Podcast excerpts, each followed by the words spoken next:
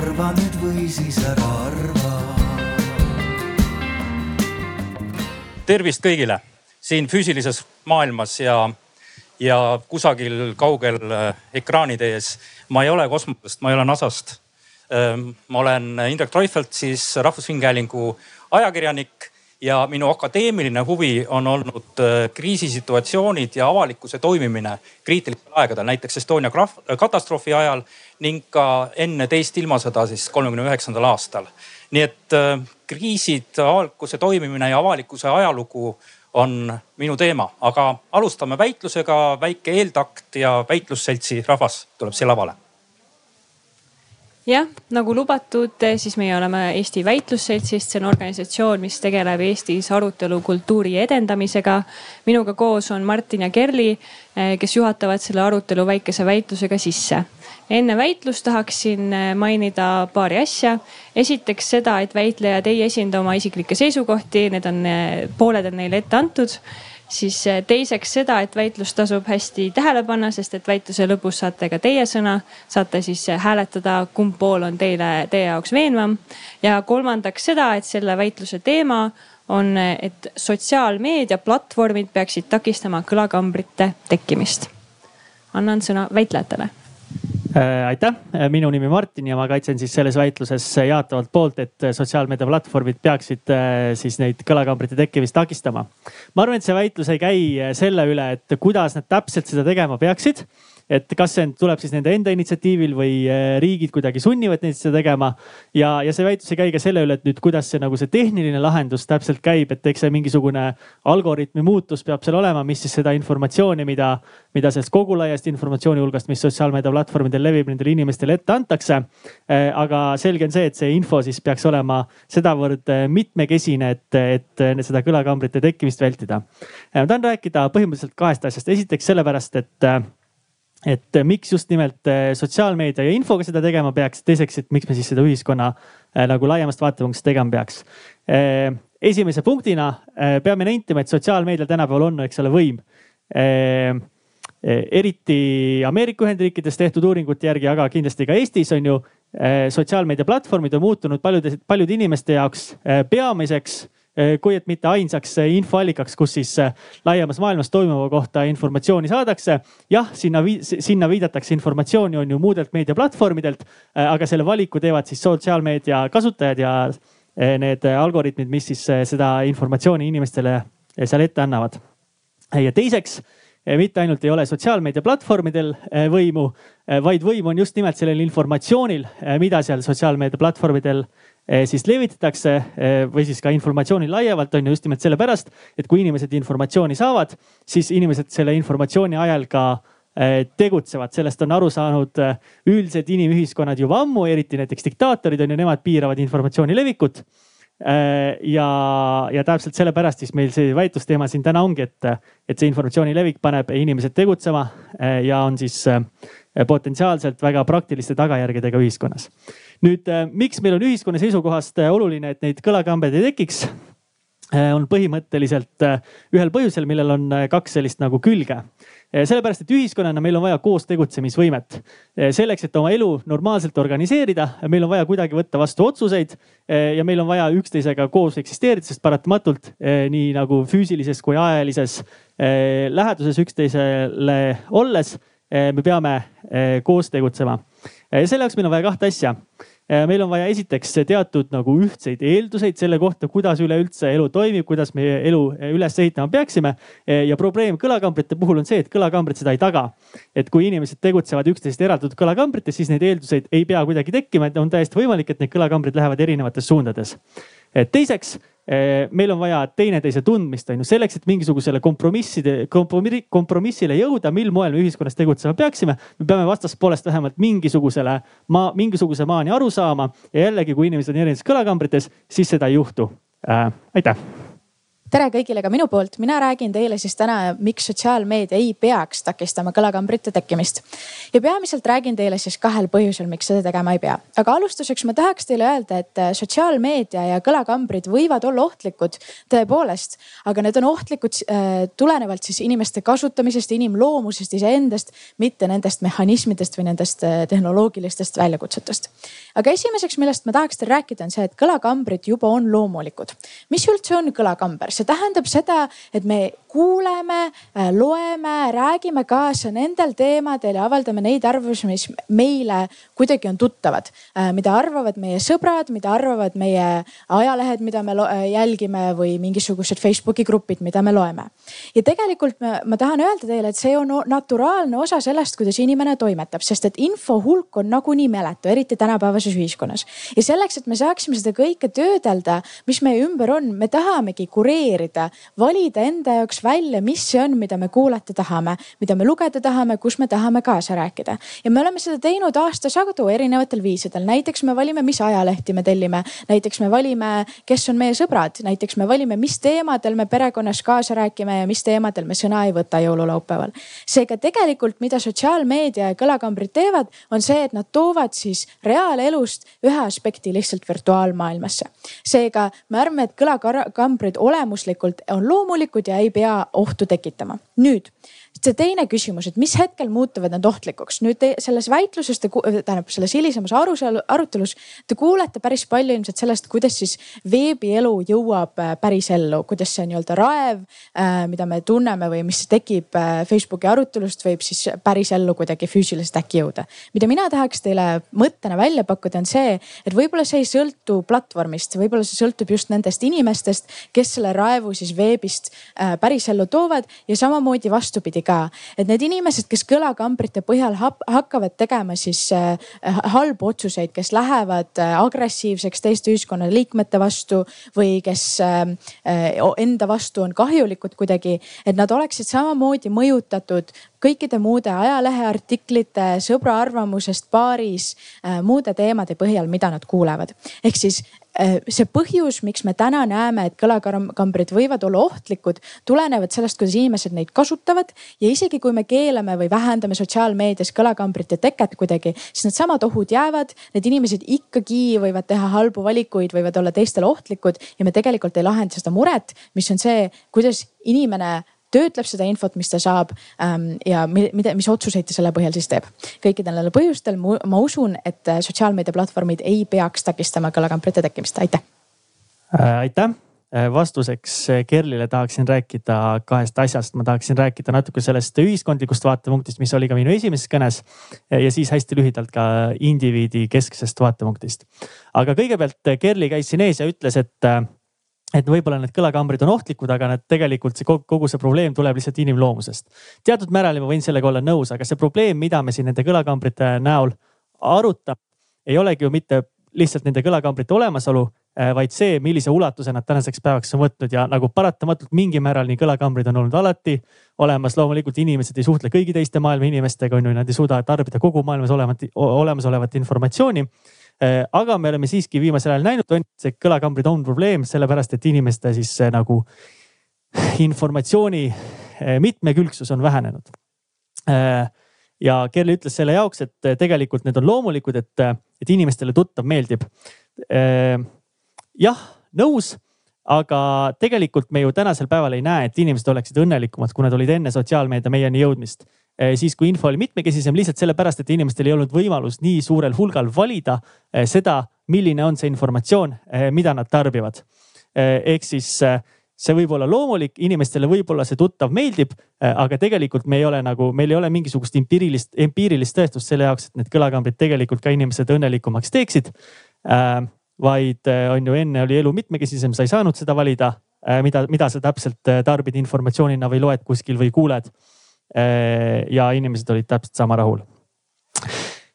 ehk siis nagu ma oma eelmises kõnes ütlesin, on ühiskondlikust vaatepunktist tegelikult äh, me tahame, et, et meie ühiskond oleks sidusam, selleks on vaja seda üksteise tundmist ja ühtseid eelduseid. viimase mõtte, mida ma tahaksin öelda, on see, et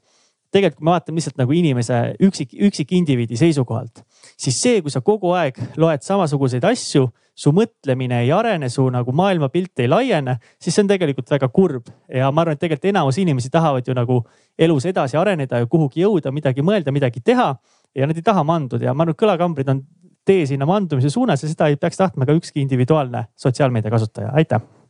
aitäh, Martin, mõned kiired repliigid veel Martinile vastuseks. esimene asi, mida ma tahaks öelda, on see, et tõesti paljud inimesed soovivad ennast arendada ja soovivad erinevat infot kuulda ja seetõttu nemad näiteks Facebookis jälgivadki erinevaid äh, poliitikuid, on erinevates Facebooki gruppides, vaatavad erinevaid ajalehti. ehk siis nad juba ise teevad teadliku valiku, et nad ei soovi olla selles oma kõlakambris. vastupidiseks on väga palju inimesi, kes otsustavad, et nad just tahavadki seda informatsiooni, mis nende jaoks kõige olulisem on, mis neid kõige rohkem rõõmsaks teeb või neid kõige rohkem puudutab. ja me usume, et see valikuvabadus ka luua endale kõlakambrit on oluline ja tegelikult see teeb inimesi õnnelikuks, sest et nad näevad just seda infot, mis neile meeldib äh, ja saavad siis nautida sotsiaalmeedias olemist. aga teine oluline asi, ähm, mis siia juurde ma tahaks tuua, on see, et kuigi ähm, Martin ütles, et noh, et see on oht, kui me äh, nüüd äh, kõlakam-, et kõlakambritest võib tekkida suurenev oht tänu sotsiaalmeediale, siis võib-olla on veel ohtlikum see, kui need inimesed lähevad tulevad ja loovad oma kõlakambri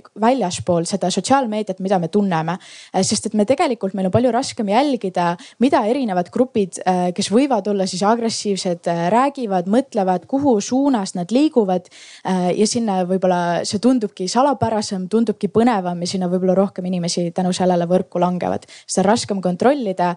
seda on raskem võrrelda võib-olla teiste uudiste, infokildudega, Facebooki gruppidega. seega me usume, et kõlakambrid iseenesest iseenesest äh, ei ole ohtlikud ja kõiki neid ohte, mida nad võivad kujutada, on palju lihtsam lahendada, kui nad tegelikult on meie ühises sotsiaal, erinevates sotsiaalmeedia ruumides, kanalites, mida me kogu aeg tarbime äh,. kõikidel neil põhjustel äh, ärme takista kõlakambrite tekkimist, aitäh aitäh väitlejatele, aitäh teile, et te kuulasite. nüüd ongi aeg läbi viia väike hääletus, ehk siis esiteks palun tõstke käed, kes nõustusid Martiniga ja kes arvavad, et äh, sotsiaalmeedia platvormid peaksid takistama kõlakambrite tekkimist. aitäh ja nüüd äh, teine pool, kes nõustusid Kerliga ja kes arvavad, et kõlakambrite tekkimist sotsiaalplatvormid ei peaks takistama. no vot, paistab, et mõlemale poolele on toetajaid. seega soovime teile head arutelu. aitüma päris kõrge lend, ei tea, kas suudame samal kõrgusel lennata. aga alustame ja teeme siis tutvust. alustame sealtpoolt. Pärtel Breinvalts on äh, Politsei- ja Piirivalveameti Põhja prefektuuri teabebüroo juhtivkorrakaitseametnik ütlesin õigesti? no peaaegu jah, et lõpp läks äh, natukene vussi, et varem korrakaitseametnik, aga, aga, aga ja muidu kõik on, kõik on õige ja, ja teabe ja infoga siis igapäevaselt tegelen. suurepärane Maria-Kristiina Prass on Tartu Ülikooli sotsiaalmeedia lektor. täpselt nii, äh, ühtlasi ka kommunikatsioonispetsialist enda instituudis, nii et äh, puutun ka kõlakambrite tekitamise või lõhkumisega kokku oma igapäevatöös ja Maarja Punak on Politsei- ja Piirivalveameti juhtivkommunikatsiooniametnik. ja, aga okay. varasemalt tuntud ka veebikonstaabel, et siis on nagu lihtsam suurepärane ma mõtlen eelmistes eludes siin Arvamusfestivalidel, jah juba üheksas on, on neid teemasid olnud ja, ja ma olen rääkinud äh, erispetsialistidega siin igat sorti tehnoloogia probleemidest arutelukultuurist, äh, platvormidest, algoritmidest, äh, kõiksugu kambritest, olgu nad siis kõlakambrid või muu kam, muud kambrid. aga ma pean tunnistama, et ma ei ole iial istunud koos politseinikega siin, et väga turvaline tunne on selles mõttes no nali naljaks, aga ma tahan küsida, et äh, mis ajast, miks on olnud see teema politsei vaatevinklis? ei, sa mõtled, et äh, räägin rohkem veebikonstaabli no, algusest näiteks, et, et tegelikult, et kui me räägimegi sotsiaalmeedias inimeste mõjutamisest, siis see tõenäoliselt algas sellest esimesest päevast alates, kui sotsiaalmeedia loodi. et tegelikult ju inimeste omavaheline suhtlemine on igal juhul mõjutamine aga nüüd, mida aeg edasi, seda rohkem oskavad ka kasutajad äh, neid võimalusi ka kasutada. ja, ja see, kuidas leitakse võimalusi inimeste meelsust kallutada, inimese huvi tekitada asjades, millele nad ei ole võib-olla varem mõelnud, et see nüüd iga aastaga on järjest suurenenud ja see on ka meile kasvav probleem. ehk siis, et kui, kui me räägime ennekõike radikaliseerumisest, siis tegelikult inimeste arvamuste mõjutamine läbi sotsiaalmeedia on ülimalt lihtne ja selle vastu võidelda ülimalt keeruline. aga ma arvan, et ma annan teistele ka võimaluse juurde kommenteerida, sest jah. aga kui mingit ajaraami mõelda, kümme aastat kakskümmend aastat, kolmkümmend aastat. kaks tuhat kuus või mingi selline aasta, et tegelikult me räägime siin maks viisteist aastat, eks ju, et mitte, mitte tegelikult rohkem, et enne seda oli ka mingeid platvorme. aga ma kujutan ette, et need pigem olid äh, konkreetsete huviliste te, nagu koondasid rohkem sarnase huviga inimesi võib-olla, aga nüüd, äh, kui see on nagu kõikidele avatud, siis hakkab äh, pihta ikkagi see, et ma ma võin sattuda ka mõjutamise ohtu siis, kui ma olen täiesti süütul platvormil. näiteks ma ei tea, Äh, mul ei ole Tinderis kontot, aga teen Tinderisse konto ja võib juhtuda, et minuga hakatakse seal suhtlema hoopis teistsugustel eesmärkidel, mitte selleks, et luua suhteid äh, romantilises vallas, vaid hoopis, et luua suhteid äh, äärmuslike meelestatuste vallas või hoopis näiteks, et mind petuskeemi tõmmata. et see kõik variandid on esindatud. Pärtel äh,. jaa Äh, ja et äh, see puhtjuhuslikult on teema, millest ma rääkisin ka enda magistritöö ühes jupis ähm, oma magistriessees ja äh, Facebook ise näiteks kusjuures hakkas teadvustama seda, et nende platvormi võidakse ära kasutada sedasorti natuke ütleme siis kahtlaste skeemide alusel, et noh, et see, et inimene inimeselt mõjutamine toimub, see on tavapärane, see on tavalise vestluse osa. aga see, et, et asjad võivad toimuda natuke teistel skaaladel, et seal võivad olla mingisugused nii-öelda professionaalsed huvid nagu mängus ähm,. see alles, see arusaam tekkis alles tegelikult kaks tuhat seitseteist ja leidis kinnitust alles kaks tuhat üheksateist. Äh, noh, kõige tugevamalt siis, kui mõistagi see äh, USA senati luurekomitee raport välja tuli, mida äh, Robert Mueller siis juhtis. et, et selle raportiga koos saabus nagu kindlus selle osas, et tõepoolest avalikku arvamust, noh tollel hetkel siis valimistega seoses mõjutati süstemaatiliselt aastast kaks tuhat neliteist. aga Facebook ise sai sellest aru kaks tuhat seitseteist, et noh Pärtel. ja noh, teistpidi ju ega siis äh, miks ta ei peakski olema see koht, kus, kus inimesi mõjutada, et, et kui, kui vanasti mulle, mulle meenus see Facebooki kõrvale sihuke sotsiaalmeedia platvorm nagu Orkut oli kunagi. kus inimesed said ju lihtsalt iseendast panna pilte üles ja natuke seal kirjutada ja siis äh, sai neid nii-öelda kuidagi like ida sihukesel primitiivsel viisil on ju aga seal ei olnud võimalik sellisel kujul nagu täna jagada mingit muud informatsiooni, kui ma õigesti mäletan. Äh, ühel hetkel noh, ma, ma arvan, et see et see lisandväärtus, et kui sul on nii palju inimesi seal, sul on nii palju sõpru, sul on sadu tuhandeid, noh mitte sadu tuhandeid, vaid sadu tuhandeid sõpru eh, kellel on omakorda omad sõbrad, et, eh, et, et ähm, miks ma ei peakski seal soovima jagada oma mingisugust lugu. kui ma jagan seda head lugu, siis on ju kõik on väga imeline, on ju, inimesed loevad mu head lugu, saavad sellest positiivse emotsiooni, endorfiinide tase tõuseb, kõik on rõõmsad. aga aga noh, kõikide informatsioonikanalitega on ju see, et äh, kui see on efektiivne, siis võib seal olla keegi, kes on sellest huvitatud, äh, seda informatsiooni jagama ka, jagama ka kuidagi teisel viisil. et see Tinderi näide oli hästi hea näide, et, äh, et see siin lääne kolleegidel on tulnud täpselt selles samas terrorismivastases võitluses ka päris hästi kasuks, kus need pahalased on ise olnud olnud muidu väga nii-öelda tech-savvy'd ja pole kuhugi ennast, ennast nii-öelda aktiivseks teinud, küll aga Tinderisse. ja Tinderi kaudu on, on neid ju võimalik ju noh, nende nii-öelda lähislokatsioon ja need asjad kuidagi nagu noh, nii-öelda tuvastada ja, ja nendele nii-öelda järgi minna. et, et ja noh, ütleme niimoodi, et kui sa tahad infoga manipuleerida, siis sa pead ju olema seal, kus on inimesed meil ei ole mõtet ka, kui me mõtleme lendlehtede peale, on ju, mis oli ju ka varasem sihuke infosõja komponent, et ütleme lendlehtede peale, keegi ei visanud lendlehti kuhugi sohu või rappa. visati ikka sinna, kus on äh, elanike, elanike kontsentratsioon hästi kõrge, et võimalikult paljud inimesed saaksid seda lugeda, sellest mõjutatud saada ja teha siis mingisugusele jõule X sobivaid, äh, sobivaid otsuseid, on ju. et äh, ja täna sotsiaalmeedias on see ju imelihtne see isegi ja kui sul on seal veel hulk selliseid nii-öelda kasulikke idioote kes seda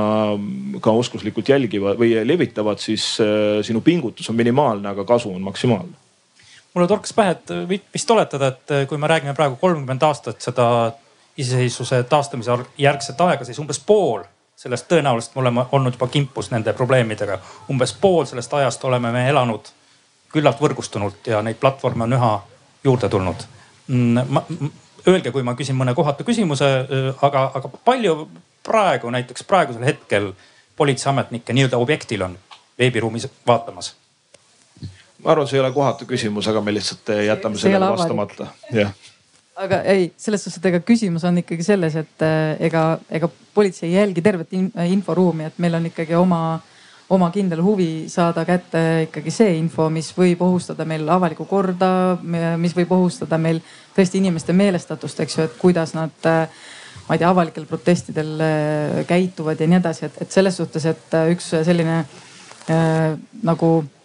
äh,, mis see on siis, et nagu ühesõnaga usutakse, et politsei näeb kõike, loeb, eks ju, kirjavahetusi ja mida, mida iganes, aga tegelikult äh, see ikkagi nii ei ole, et, et politsei kogub infot äh, vastavalt seadusele, vastavalt kehtestatud korrale ja, ja üldiselt ikkagi, kui avalikku infot äh, me saame ka niimoodi, et ikkagi, kui inimene märkab, et kuskil on mingi jama, siis me eeldame, et inimene annab meile sellest teada, sest me ei jõua kõike, kõikjale, me ei näe kõike kasvõi ma ei tea, kõige lihtsam näide, kellel on äh, TikTok olemas, et äh, TikTokis seda infot tuleb nagu miljon, no, no seda tuleb nii palju, et see, see ei ole võimalik. et täna mul on kaks korda siin TikTokist juba noored rääkinud, et, et kas te ikkagi ei jälgi, kui halvasti selle üksteisele öeldakse, et kas te siis ei tea, kui nagu palju seal tehakse ähvardusi ja asju aga me ei tea neid siis, kui, kui ta, kui ta, kui ta meile teada ei anna. et politsei asi ei ole salaja kelle, kellegi selja taga luurata, vaid me oleme olemas, kui on mure andke meile teada, et lähtume sellest. Maria, kuidas sulle tundub see, et politsei hoiab silma peal sellel valdkonnal? kui palju seda peaks tegema? no see ain't that the question nagu öeldakse, et äh, noh, üks asi, mida sotsiaalmeedia kindlasti võrreldes varasemaga on muutnud, on see, et kui suur inforuum ühte inimest üleüldiselt ümbritseb et noh, kui me räägime Tiktokist, Facebookist, mis iganes sotsiaalmeediakanalist, siis äh, vähe sellest, et sa ümbritsed ennast kodumaise infoga, kodumaiste võrgustike, kogukondade, mis iganes asjadega. aga noh, mis konkreetselt, kui radikaliseerumisest rääkida, mis sotsiaalmeedia muutis, ongi see, et sa ei pea olema samas riigis, sa ei pea kunagi kohtuma nende inimestega, kes hakkavad mingil moel sind mõjutama või kes on sinu siis nii-öelda iidolid. Äh, sa võid ennast täiesti iseseisvalt radikaliseerida ilma selleta, et sa üldse ühegi inimesega kunagi kokku puutuks või isegi diskuteeriks tingimata. et äh, noh, sellest tulenevalt mina personaalselt arvan, et äh, on ainuvõimalik, et mingil moel siiski hoitakse noh, nii palju, kui see on avalik info nii-öelda noh, Facebooki grupid isegi kui need on privaatsed, see on sisuliselt avalik ruum ähm,. privaatsed grupid, kui sinna on sisse lastud, siis on järelikult avalik nendele inimestele, kes seal on äh,. ma arvan, et nende jälgimine on ainuvõimalik. kas seda peaks tegema pigem juba proaktiivselt ehk ennetavalt või siis reaktiivselt ehk siis, kui midagi on juhtunud? no teadus ütleb, et äh, proaktiivne on ainuke, mis töötab. et äh, reaktiivselt äh, on äh, sisuliselt võimalik inimesi jutumärkides tagasi tuua ainult siis, kui nad soovivad tagasi tulla et väga-väga äh, keeruline, noh näiteks kui rääkida vandenõuteoreetikutest, äh, siis nende tagasitoomise katsed jutumärkides ähm, õnnestuvad tõesti ainult siis, kui neil on mingisugune isiklik huvi selle osas. sellepärast, et kui neil seda huvi ei ole, siis mis tahes argumentatsioon kipub kinnitama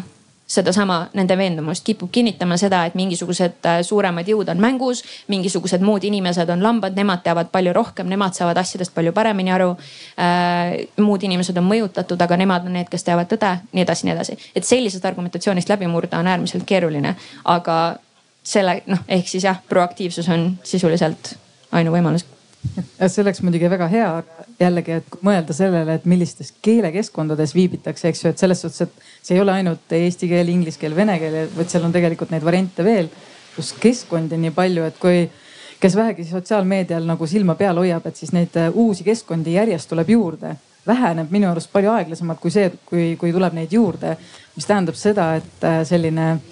selline nii-öelda ülevaate omamine tegelikult praegu on ülimalt keeruline, et jah. Absoluutselt, see ei ole, see ei ole tingimata realistlik aga, aga see on see, mida jah, noh, ütleme siis teaduslikud äh, tulemused ja anekdootlikud näited ütlevad, et see on see, mis töötab jah, eks meie see kõige suurem probleem ongi hästi lihtsalt kokku võetud ühe Donald Rumsfeldi kahe tuhande kaheteistkümnendal aastal öeldud lausega, et, et on terve hulk asju, mida me ei tea.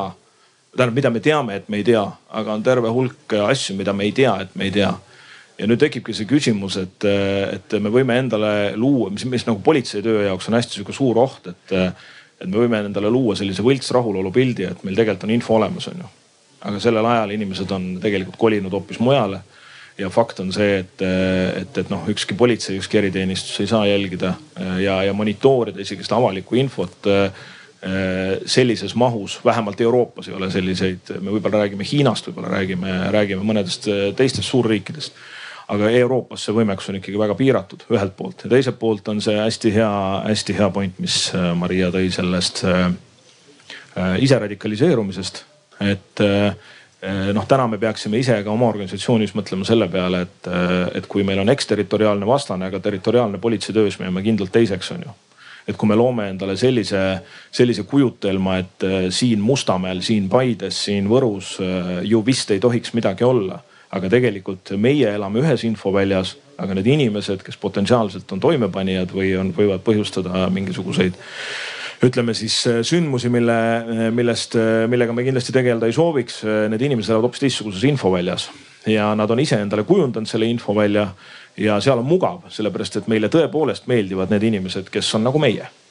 ja, ja kui me elame, ega siis inimene ju teadlikult ei tahaks elada vales, kui ta teab, et see on vale siis ta ju korrigeeriks ennast iga nii-öelda terve mõistusega inimene. lihtsalt küsimus on selles, et tõde ja vale on ju, on ju äh,, sõltub hästi palju sellest, kummast otsast vaadata, on ju. et äh, ja siis inimesed teevad oma valikud ja, ja igav tõde on ju alati äh, vähem paeluvam kui selline meeleolukas vale on ju, mis eriti vandenõuteoreetikutest äh, rääkida, et, et ega siis inimene ise teadlikult ei ole vandenõulane ju pigem oleme, on, on need, kes on äh, siuksed mainstream mõtlejad, võivad olla vandenõulased ja eliidile kaasa jooksutajad, jooksikud ja, ja noogutajad. et noh, me näeme seda siin ju Covidi kontekstis, me näeme seda suurõnnetuste kontekstis, me näeme seda üheksa üheteistkümne kontekstis, Estonia katastroofi kontekstis äh,. kuuekümnendatel, eks ole, ufo kontekstis äh, Nevada kõrbes on ju, et, et noh, kogu see lugu on ju omavahel on omavahel seotud ja ega need inimesed ju teadlikult ei, ei usu mingit hullust see võib nüüd olla paganama raske ülesanne, aga noh, insenerina öö, tahaks nagu määratleda natukene seda maastikku, kirjeldada, mis seal siis on. suure raginaga siin läks väitlus lahti ja öö, oli selline mõiste nagu kõlakambrid või siin on erinevaid termineid olnud aja jooksul juba. aga kui me püüaksime natukene määratleda, noh politseitöös on, on olnud ju see romantiline kujutelm, et on, on külakonstaabel või, või kogukonna konstaabel, kus, kes kuskil käib ja tunneb kõiki inimesi ja, ja selline, selline, selline lähenemine justkui tagab äh, politsei, politseitöö tõhususe. Äh, kuidas selle veebiruumiga siis on, millest me õigupoolest räägime? kas me räägime nendest mullidest, mina nimetan neid huvikogukondadeks või, või usukogukondadeks või jüngerkondadeks, midagi taolist platvormidest. noh, millest me õigupoolest räägime? kuidas te seda maastikku endale ette kujutate? ma ise täpsustaks korraks veel vahele äh,. Sorry, ma kohe luban seda rääkida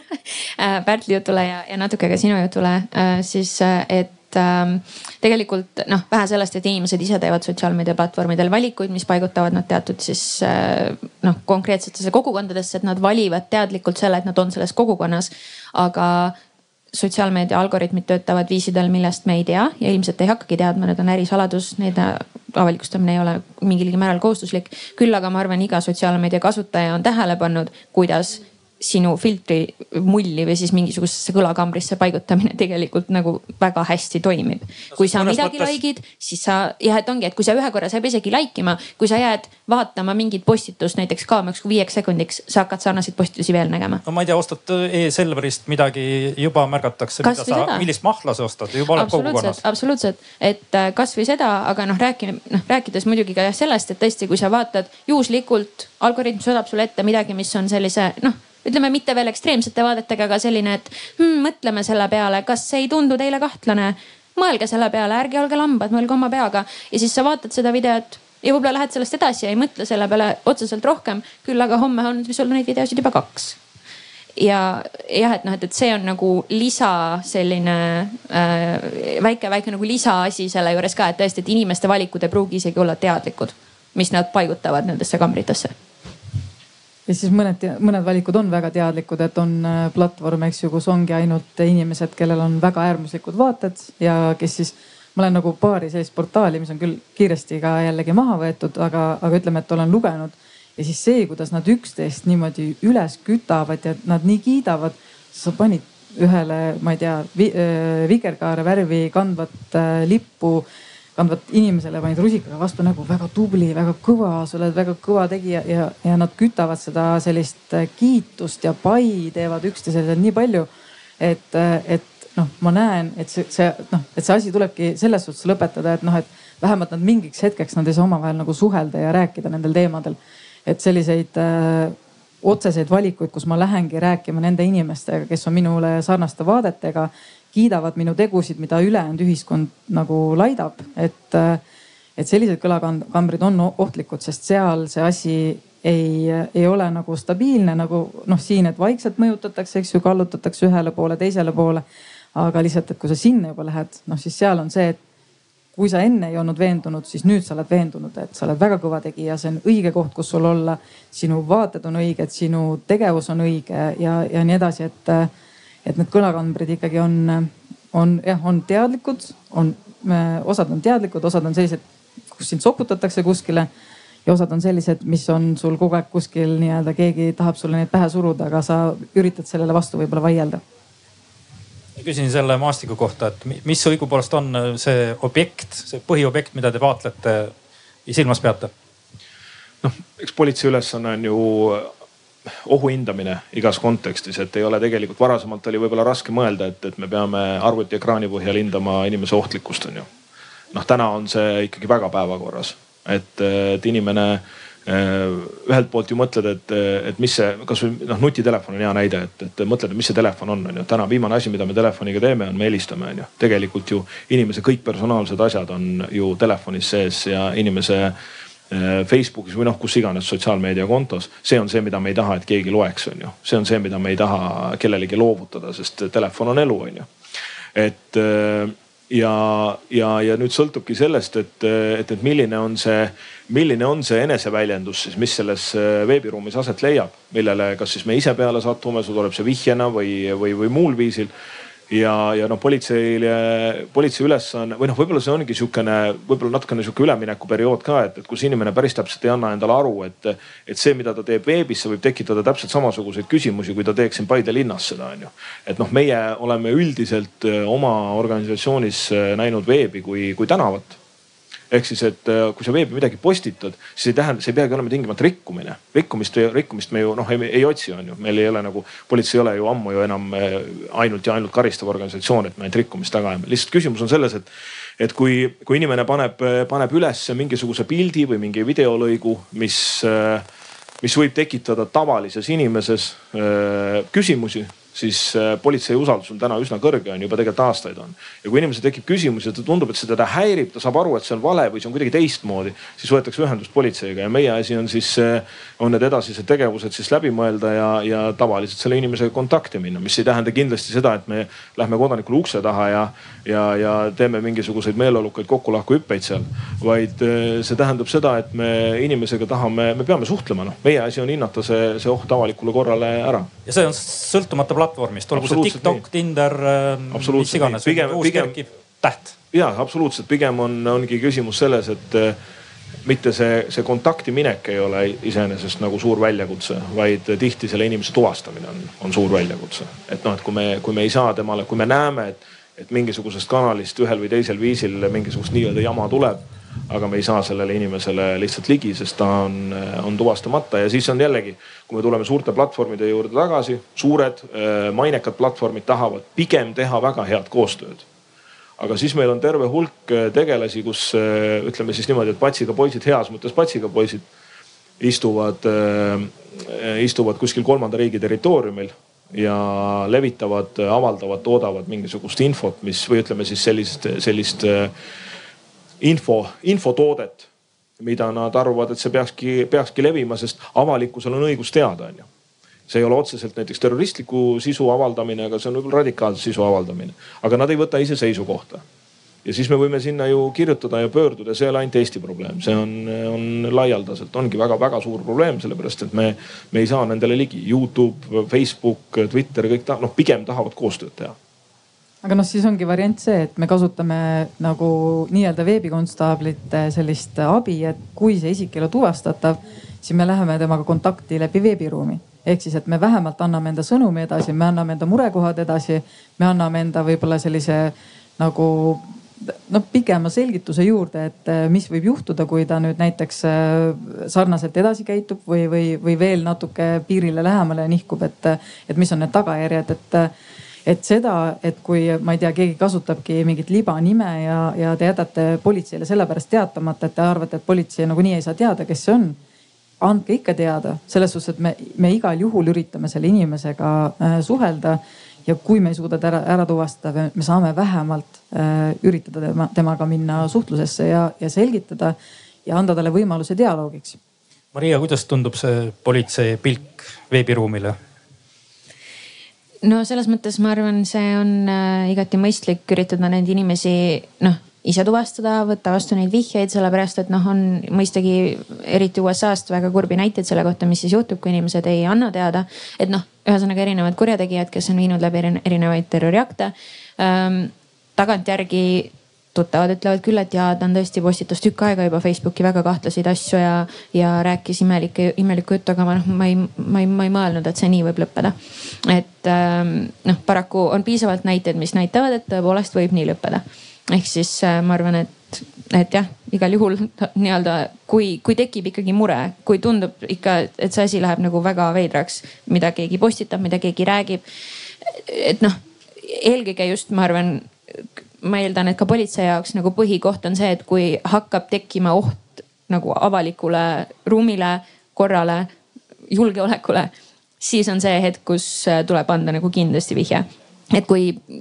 asi on rohkem kellegi nagu isiklikes vaadetes, et mulle ei meeldi see inimene, mulle ei meeldi see noh, lihtsalt, kui sa oled lihtsalt rassist, siis sul on kahjuks õigus olla lihtsalt rassist. Kui see hakkab minema sinna kanti juba, et me peaks midagi ette võtma selle osas, et neid on siin maru palju, noh, see on, see on see õige hetk, ma eeldan, et teil on üsna sama definitsioon. lihtsalt äh, selle teatamisega seoses ka, et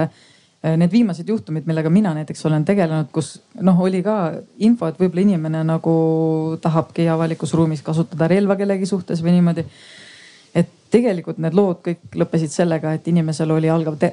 algav vaimse tervise äh, haigus või häire. ehk siis, et ehk siis, et see avaldubki selliselt, et inimene hakkab äh, võib-olla väga äärmuslikke sõnumeid välja andma ja igal juhul ta vajab abi, ehk siis ta küll ei vaja politseilt abi, aga ta vajab äh, riigilt abi äh, seoses sellega, et tal on võimalik siis seda arstiabi pakkuda. et temaga õigeaegselt tegeletakse, et igal juhul neid märke, kui te näete, neid tuleb teada anda ja küll me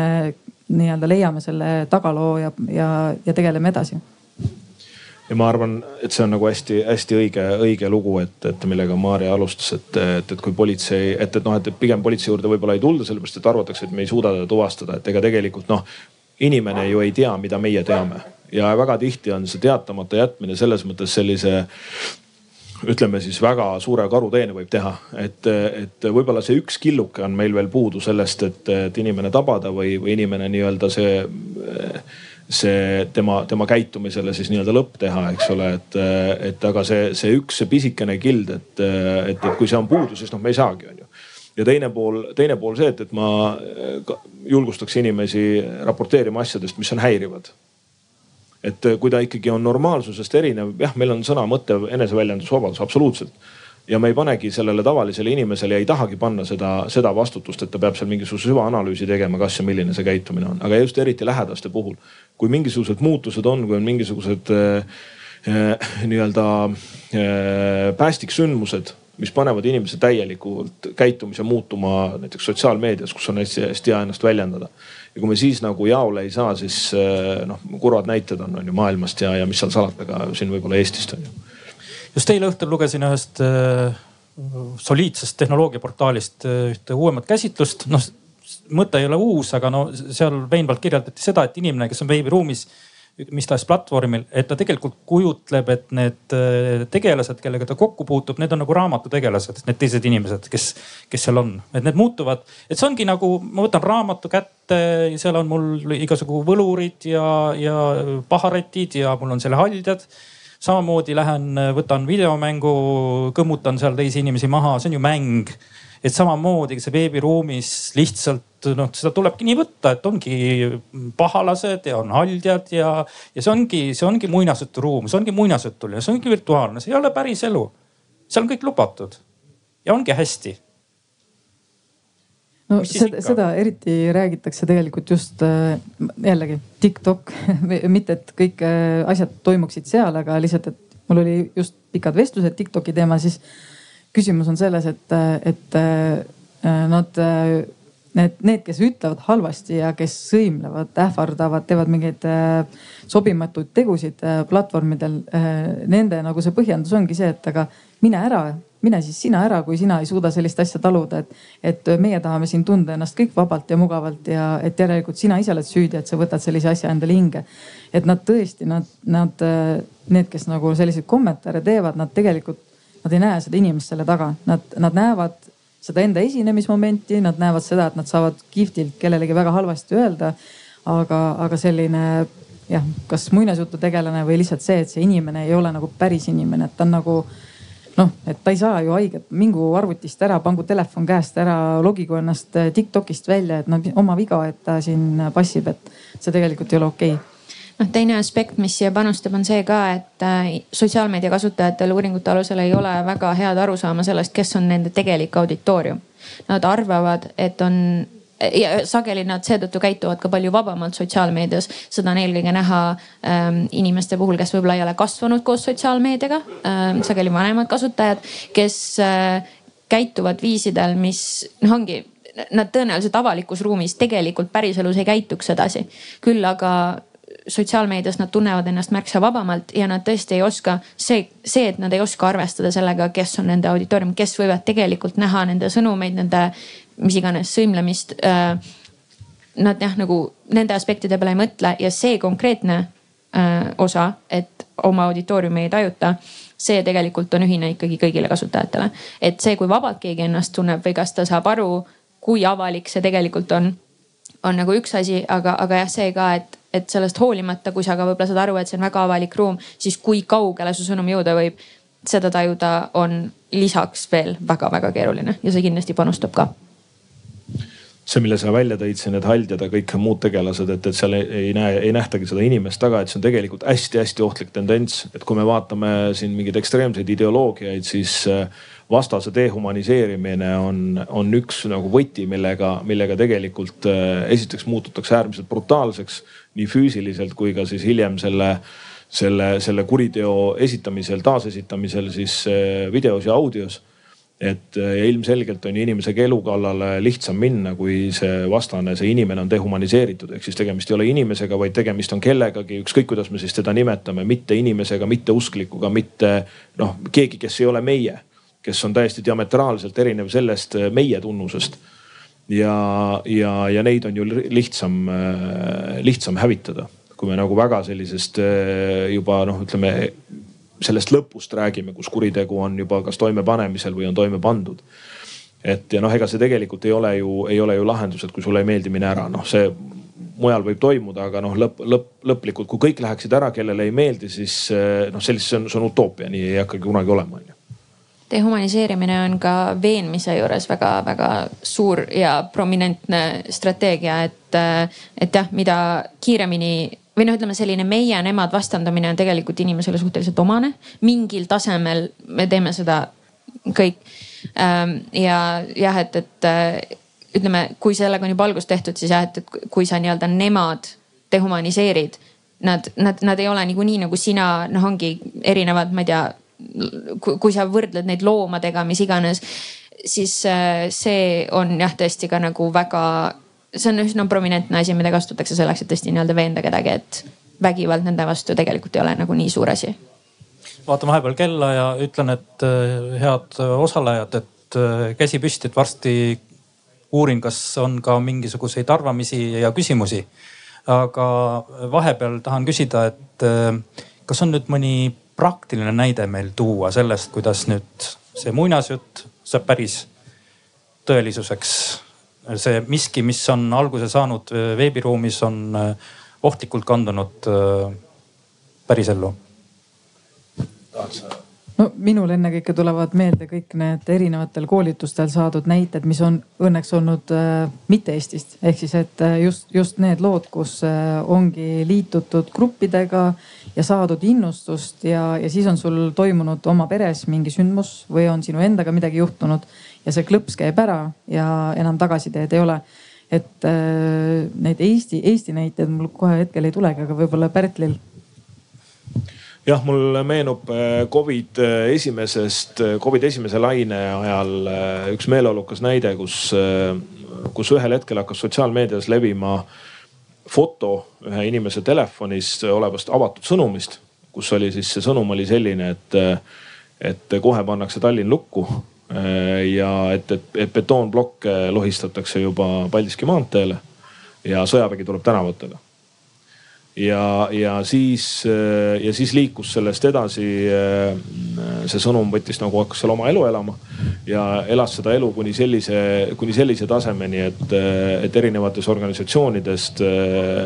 hakati kuskil kellegi seni tuvastamata isiku initsieeringul sisuliselt kokku kutsuma isikkoosseisu, sellepärast et tulebki sõjavägi peabki tänavatele tulema. ehk siis see levis, see levis nagu sellistes sellistes kanalites, mis tavakuulajale ongi legitiimsed. ja siis sealt edasi sinna, et minu, minu sõbranna, kelle ema, äh, kelle ema tuttav töötab presidendi kantseleis näiteks. see tuli inform-, see tuli ministeeriumist, see tuli sealt ja kolmandast kohast. ja siis inimesed ju, kuna noh, niikuinii Covid üks ja, ja eriolukord oli ju meile noh, täiesti erakordne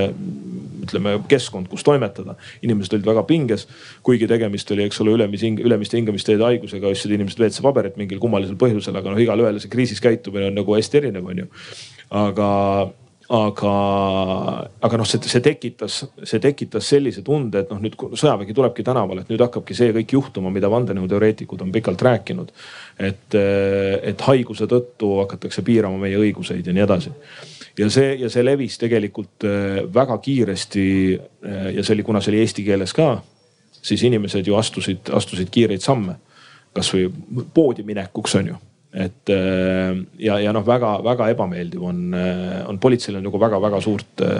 jõupingutust see nõuab. et, et sellistes, sellistele asjadele reageerida ja, ja inimest siis kuidagi rahustada, on ju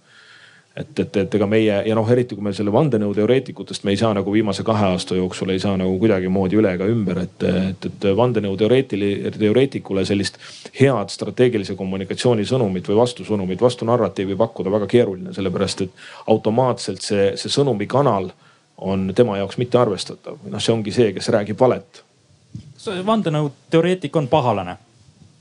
ma arvan, et vandenõuteoreetik, need inimesed, kes paraveebis istuvad ja, ja, ja seda loevad ajaviiteks, on nagu väga, see on väga tervitatav. see on ikka ju, me loeme fantaasiaraamatuid, see on kõik väga okei okay. aga kui inimesed hakkavad eh, ühelt poolt enda käitumist muutma selle järgi, mida vandenõuteooria ütleb ja, ja veel hullem siis selles samas eh, palju räägitud kõlakojas panevad kõlama ideed, mis võivad muutuda avalikule korrale või riigi julgeolekule ohtlikuks. Eh, manipuleerides seal tegelikult ka mustvalge tõega tsiteerides, noh, siin head näited on äh, põhiseadusparagrahvide poolikud tsiteerimised selleks, et inimesi agi, agiteerida vägivallale ja nii edasi. et ja seda avalikus ruumis ja, ja, ja, ja, ja mitte ainult avalikus ruumis, vaid ka siis, eks ole, selles samas äh, Facebookis tehes siis laive ja muid asju sinna juurde. et noh, need on nagu väga ohtlikud tendentsid, et ühelt poolt on see, on see kõik see, mida ma siin ütlen, mida ma siin teen, mida ma siin oma peas siin tahtsin väljendada, aga kui, kui sellel on teod reaalselt taga siis äh, on väga-väga ohtlik. Kusjuures ma siia lisaks sellega juurde, et äh, see, et äh, enamus vandenõuteooriatega kuidagi suhestujaid, nende jagajaid, mis iganes muul moel ähm, noh, nende üle arutlejaid, et need, et need on tugevas enamikus inimesed, kes ähm, on väga sellised sügavalt vandenõuteooriatesse uskujad, see on tegelikult müüt tugev enamik inimesi, kes mingil moel neid jagavad, kes võivad jagada infot, mis on selline noh, otseselt vandenõuteooria või siis lihtsalt selline noh, valeinfo ähm, nad on võib-olla sellised ambivalentsed selle osas või noh, et see selgitab midagi nende jaoks, aga et, et asi ei ole selles, et nad on, noh, ongi selline lame maa, QAnon, noh et, et nagu enam, enamik inimesi ei ole tegelikult need. ehk siis ma arvan, et kui küsida, et kas vandenõuteoreetikud on pahalased, siis me paneme sinna punti väga palju inimesi, kes tegelikult noh, me oleme nende osas ebaõiglased, on asi üks ja asi kaks. meie ja nemad vastandumine läheb sellele tänu küll ainult tugevamaks ja no me nägime tegelikult ju seda, nende samade noh, kui Eesti kontekstis rääkida, siis juba aastaid nii-öelda vandenõu teoreetikut, mitte teooria lugejad ja kaasanoogutajad, vaid teoreetikute puhul ju sellist väga osavat osavaid operatsioone ka mm, siin erinevate meeleavalduste käigus, kus, kus inimesed tea-, teadlik, no selles mõttes, et nad teadsid, kes on nende publik. tegelased, kes on aastaid rääkinud, et maa on lapik seal rääkisid teist juttu, sellepärast et kui sa muuhulgas ütled et maa on lame või maa on lapik, siis sa ju kaotad terve hulga kuulajaid, sest et sellise statement'iga võid sa tulla ju eh, noh, ütleme niimoodi, et see võib pisut kummalisse võtmesse seada ka kõik selle muu, mida sa räägid. Aga kui sa oled, aga sul on olemas teatud publik, sul on inimesed, kes sind kuulavad ja kui sa oled karismaatiline sinna juurde ka veel, siis, eh, siis see info lendab ja täna vaadates ka viimaseid eh, nii-öelda arenguid siis on näha, et, et inimesed ütlevad, et mina seda julgeks teha, mina seda ei, ei julgeks öelda. aga kui on vaja, ma kindlalt lähen, kui öeldakse, et peab minema noh, kui hästi hüpoteetiliselt öelda, et, et inimestel on vaja sellist kriitilistel aegadel on vaja nii-öelda karismaatilist tugevat juhti ja mis seal salata, kui äh, kui noh, seal on kindlasti sotsiaalmajanduslikud komponendid ka, miks inimesed eh, pigem pöörduvad nende inimeste poole, kes, eh, kes võib-olla levitavad selliseid kaheldava väärtusega ideesid, mitte ei kuula valitsust, on ju, või noh, ütleme siis äh, riiki. Aga, aga kui nad seda teevad, noh, see ei ole ju otseselt paha, lihtsalt küsimus on selles, et kui seal tekib see vastuolu, et, et riik nagu läheb ühes suunas ja ja, ja siis teised seltsimehed lähevad teises suunas ja siis seal need kuidagi kuskil mingis kohas vastanduvad ka, et siis meil on tõenäoliselt on probleem on ju. Noh, vandenõuteooriate peamine atraktiivsus ongi ju tegelikult selles, et nad selgitavad midagi, mis on segane, mis on selgitamatu, mis on äh, noh ühesõnaga, mida, milles ei ole nagu nii-öelda tavaloogika ja reaalsusega võimalik nagu ühest mustrit leida ja mõistagi viimase paari aasta jooksul on omajagu selliseid asju, milles noh, on, on, mida on juhtunud väga palju halbu asju, selliseid asju, mida noh, ei tahaks nagu aktsepteerida, et need on ilma mingi põhjuseta, need on noh suvalised asjad, mis lihtsalt maailmas juhtuvad. väga palju inimesi sureb ära, miks? sest meil on viirus aga noh, et ongi, et, et kas palju lihtsam on aktsepteerida tavainimese jaoks seda, et siin on mingisugune vandenõu taga, siin on mingisugune asi taga, miks see täpselt niimoodi juhtub, keegi on selle nii planeerinud Versus see tõesti, et sa pead aktsepteerima, et mõned asjad lihtsalt juhtuvad nii. et, et see, et vandenõuteooriad viimase paari aasta jooksul tänu sellele paremini levivad, see on tõesti ka teaduses kinnitust leidnud jah. küsime vahepeal, kas andke märku, on tahtmist ja siin ees, palun ja, et Diana Paudel olen ja väga tore on kuulata kõike seda, eriti tore on kuulata, et politsei ütleb, kirjutage meile, kui midagi kahtlast näete. aga siis ma lähen klassiruumi või õpetajate koolitusele ja ütlen, et ja, ja on meil veebikonstaablid ja kirjutage neile ja siis tuleb mul saalist alati vähemalt kaks-kolm kommentaari. oi, ma olen neile paar korda kirjutanud, mitte kunagi pole ühtegi vastust saanud. ja siis kahjuks tähendab, minu küsimus praegu just politsei poolele on see, et äh, kui palju teil tegelikult ressurssi on, et üks asi on selline, kellelgi peteti välja kümme tuhat. teine asi on see, et keegi on natuke tigeda olekuga kuskil, ma ei tea, uhhuulaste grupis. et kui palju teil seda ressurssi tegelikult on, et kas on mõtet üldse julgustada kirjutama, kui ei ole aega vastata? Kindlasti on meil ressurssi äh, selles mõttes, et me oleme ju ikkagi inimeste jaoks ja me oleme kogukonna jaoks ja, ja lihtsalt küsimus on selles, et äh,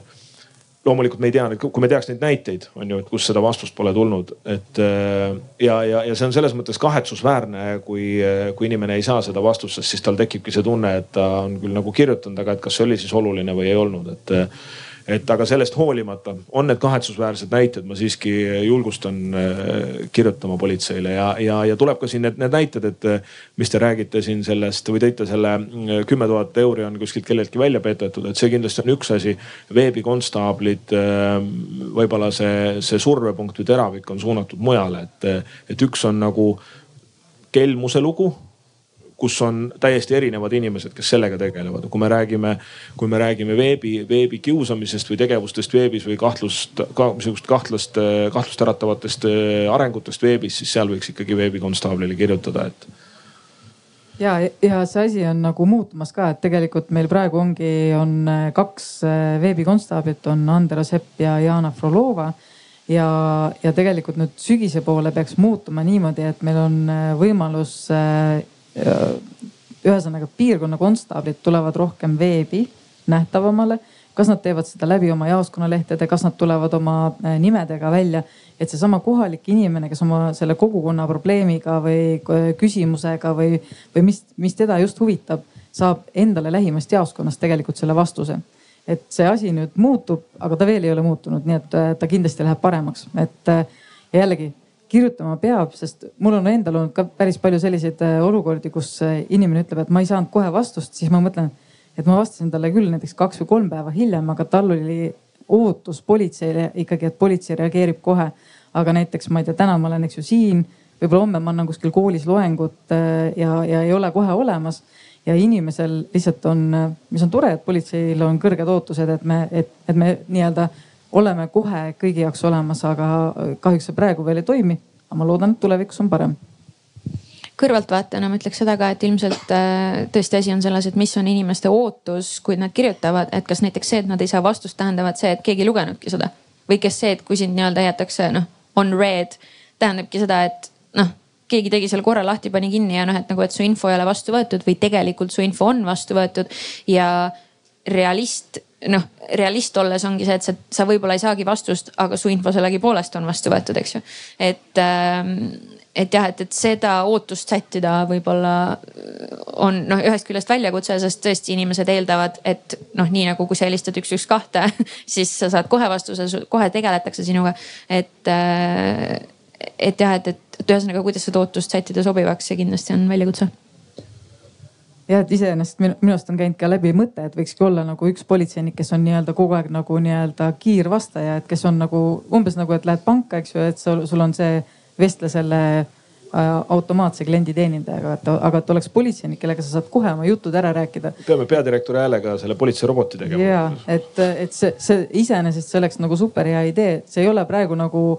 noh, ei ole realistlik, sest lihtsalt jällegi neid küsimusi, mida, mida tuleb, on maru palju ja meil on olemas ka nii-öelda äh, võimalus helistada, eks ju, politsei äh, klienditeeninduse numbrile millega ka on tõesti, kuna neid küsimusi on nii palju, et, et ma tean, et ka kõnesid ei jõuta terve päeva jooksul kõiki nagu äh, vastu võtta, mis sisse tulevad, ehk siis, et inimestel on palju küsimusi.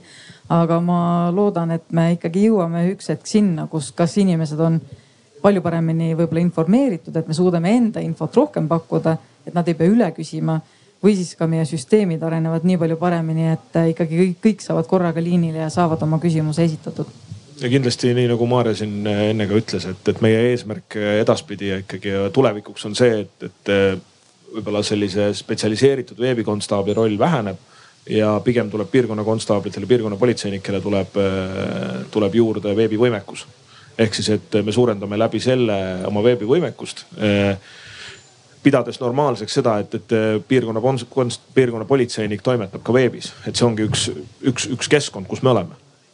aga küsin vahepeal äh, need äh, uudised, mis meil igal nädalal on. Äh, viimane oli jälle, et keegi naine sõlmis sõpruse Jeemeni missioonisõduriga.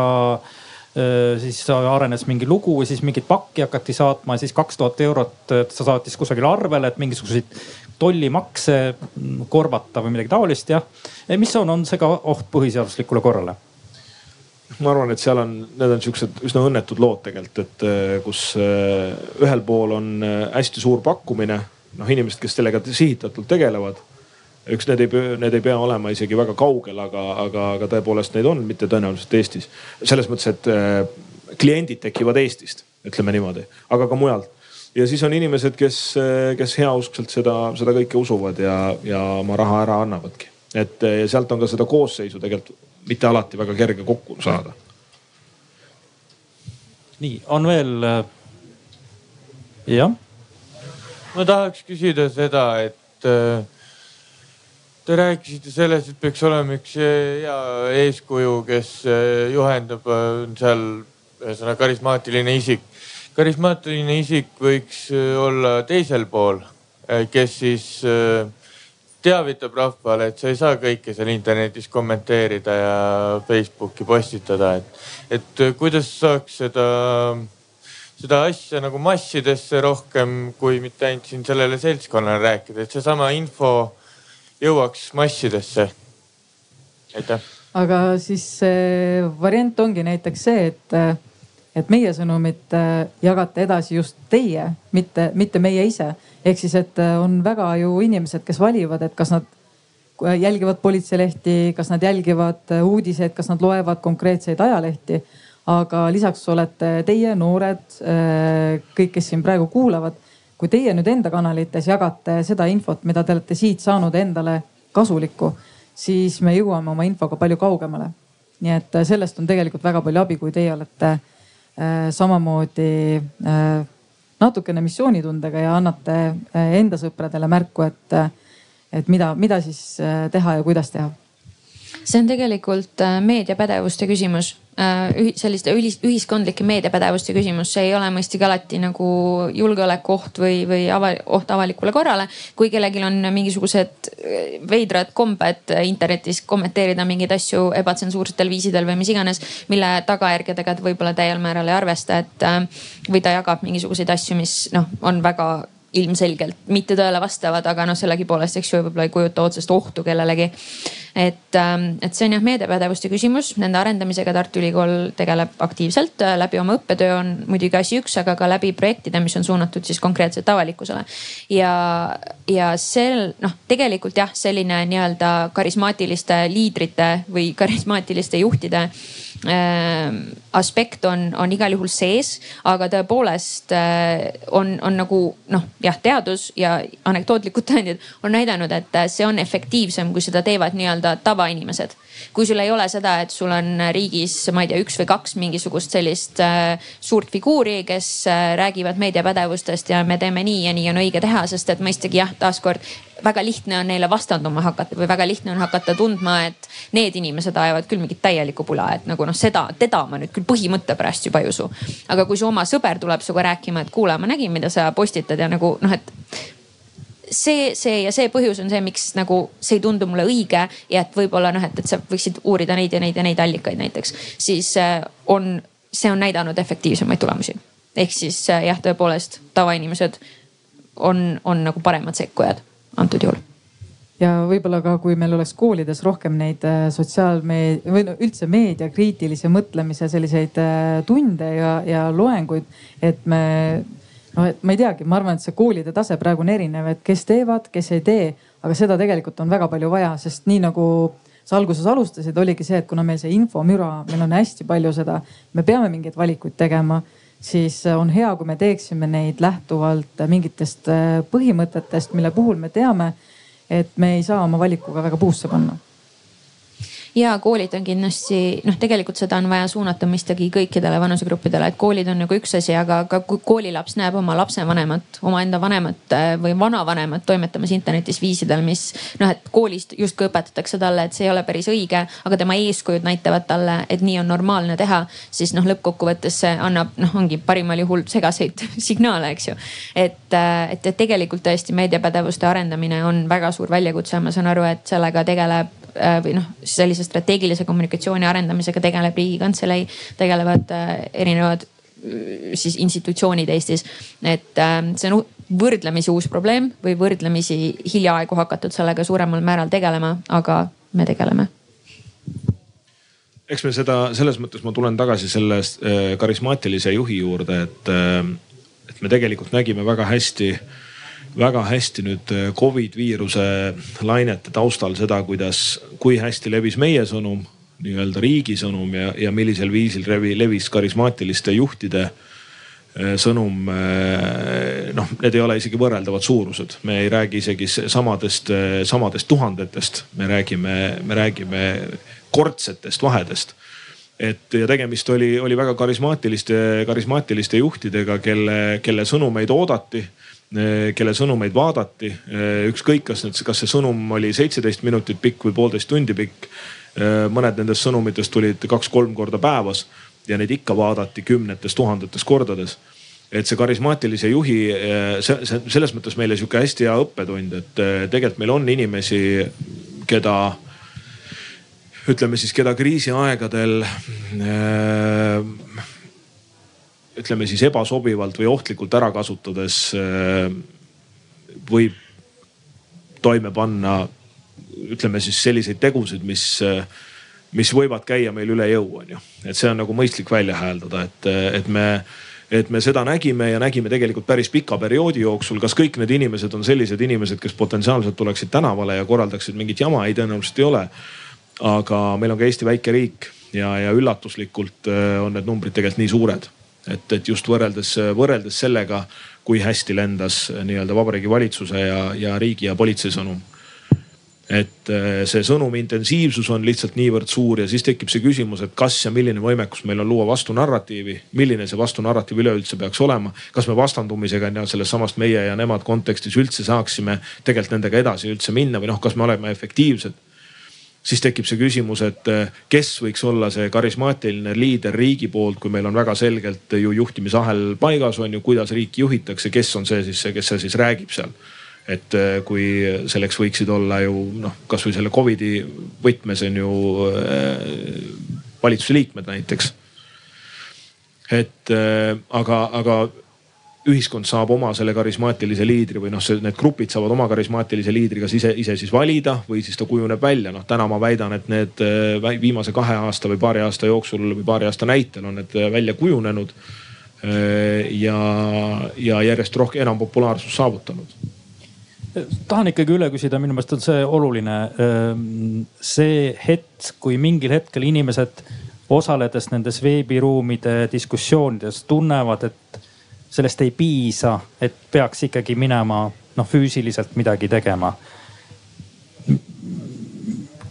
milles seisneb see, kust see säde tuleb? et Ma..., et tuleb minna füüsilisse ruumi? noh, minule näib, et, et see on selline teineteise agenda nagu võimendamine ja nii nagu me rääkisime ka sellest nii-öelda kiitmisest ja julgustamisest, et eh, üks viskab nii-öelda noh, ütleme kõigepealt on tekkinud nendes kõlakodades mingisugused pinged, noh ükskõik, kas need on valitsusvastased, mingisuguse, mingisuguse sündmuse, mingi fenomeni vastased või siis seda toetavad, seal ei ole vahet. tavaliselt ikkagi vastased on ju ja, ja, ja siis üksteist või teineteist eh, köetakse ülesse ja ühel hetkel tekib selle, selle kohta on tegelikult isegi radikaliseerumise püramiidis selline koht, kus või, või level, mis ütleb, et pettumine vägivallatus võitluses kus ma algul arvan, et ma lihtsalt räägin, lihtsalt arvan, lihtsalt vastandun, lihtsalt ei ole nõus. siis ma saan aru, et no aga seal ei ole mingit pointi, kurss ei muutu ju. Kurss ju ei muutu, et äh, nüüd on nagu see koht, kus lihtsalt lipuga lehvitamine, lihtsalt klaviatuuri klõbistamine enam ei too mingit tulemust, et ma kirjutan ja kirjutan ja arvan ja jagan ja joonistan ja teen meeme ja kõiki asju, aga kurss ei muutu. see asi läheb järjest hullemaks ja siis tekib, siis keegi ütlebki, et kuule, et enam, nüüd ei ole enam see aeg, on ju. ja tegelikult ega see ei ole mingisugune üldsegi ju uus äh, statement. et kui me vaatame kasvõi kliimaaktiviste, kes iseenesest ju võitlevad täiesti õige asja eest väga tihti. lihtsalt küsimus on selles võitlusvormis, on ju. et äh, et ja nende ja nende väga selge seisukoht on ju see, et täna meil ei ole noh, sellest lihtsalt äh, tõdemisest, et kliima soojeneb. noh, ei piisa, on ju, me peame nüüd midagi tegema ja siis ongi lihtsalt see küsimus, et mida me siis teeme. et mis on siis, mis on siis see, see meetod, mida me valime selleks, et mingisugusele protsessile panna siis, panna siis lõpp või, või teha lõpp, on ju, või see, või see peatada, pidurdada, ümber suunata, on ju. ja kui selleks on, kui selleks on ainult vägivaldsed lahendused, hästi tihti mõeldakse ka niimoodi, et me oleme kõike proovinud, välja arvatud vägivalda.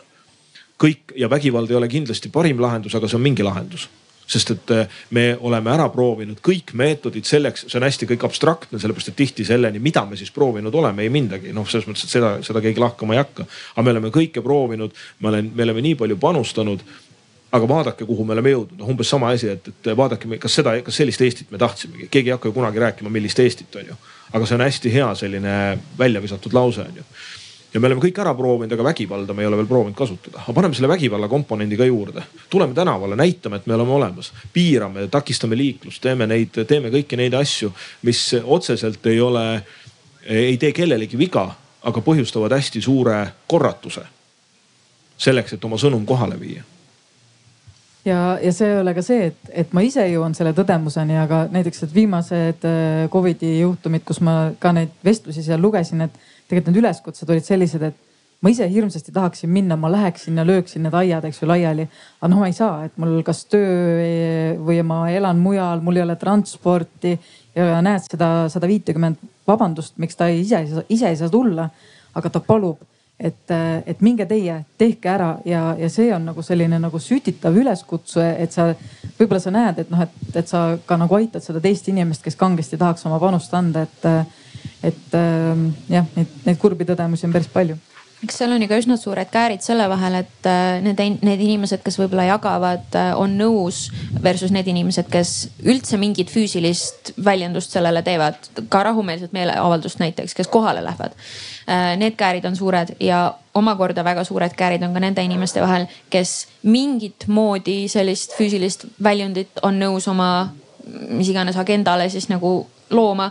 ja siis nende vahel omakorda, kes äh, on nõus selle vägivallani viima. et ähm, noh, teaduskogukond on ikkagi väga ammu juba aastakümneid äh, üritanud leida vastust sellele, et noh, üritanud profileerida näiteks terroriste et mis inimtüüp see siis on, mis, mis sorti inimene on, kellest on võimalik luua terrorist ja kõik need katsed on ebaõnnestunud. ja on noh, täiesti selline mõistlikul tasemel leviv ähm,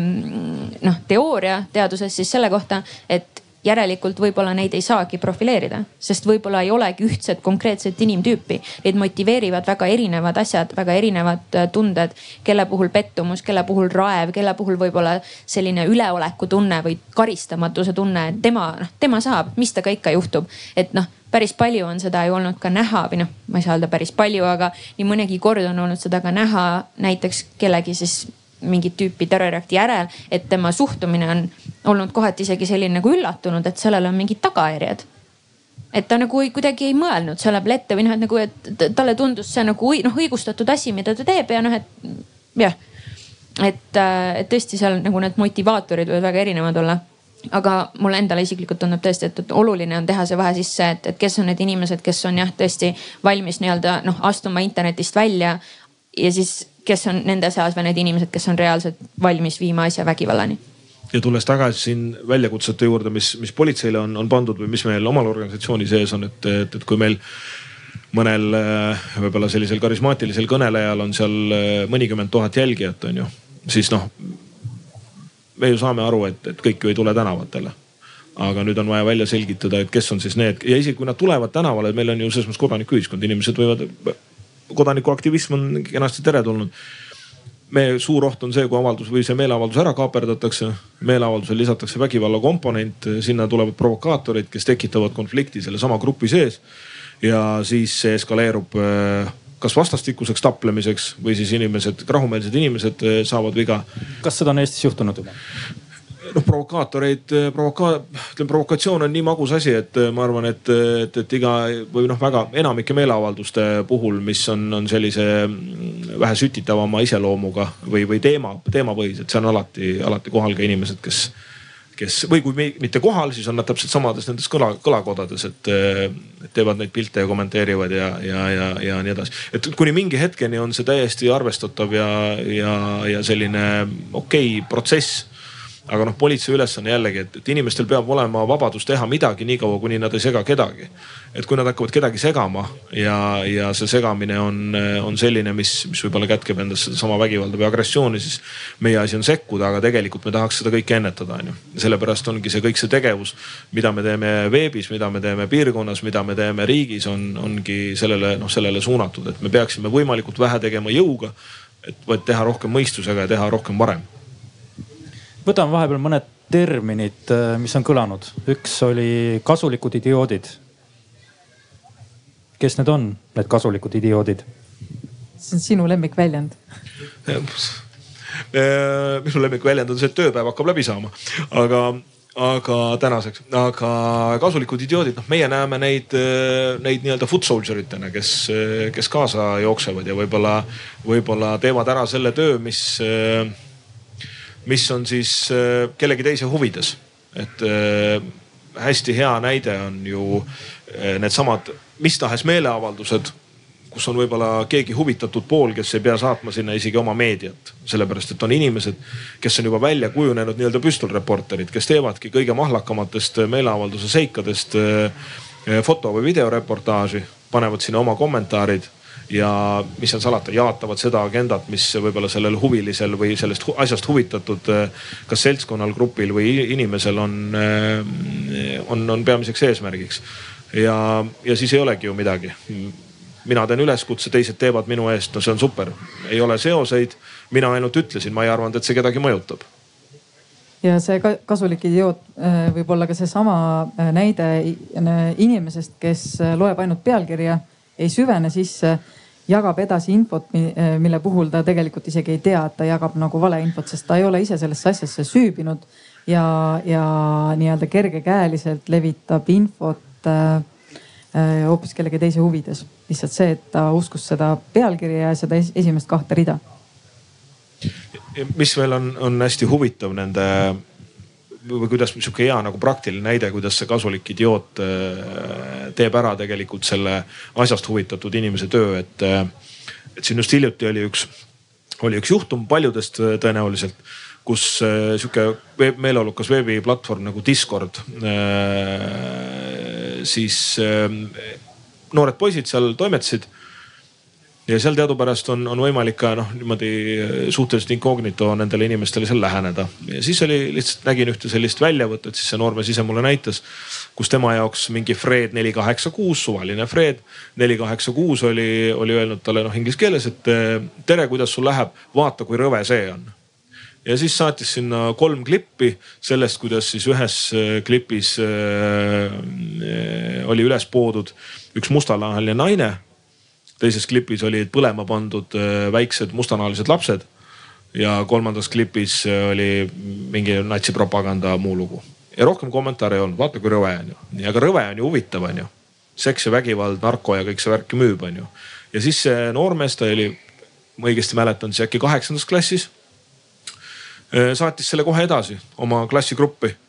Öeldes, et vaadake, mis mulle saadeti, vaadake, kui rõve see on see Fred neli kaheksa kuus, kes iganes seal taga oli, ei pidanud mitte midagi tegema.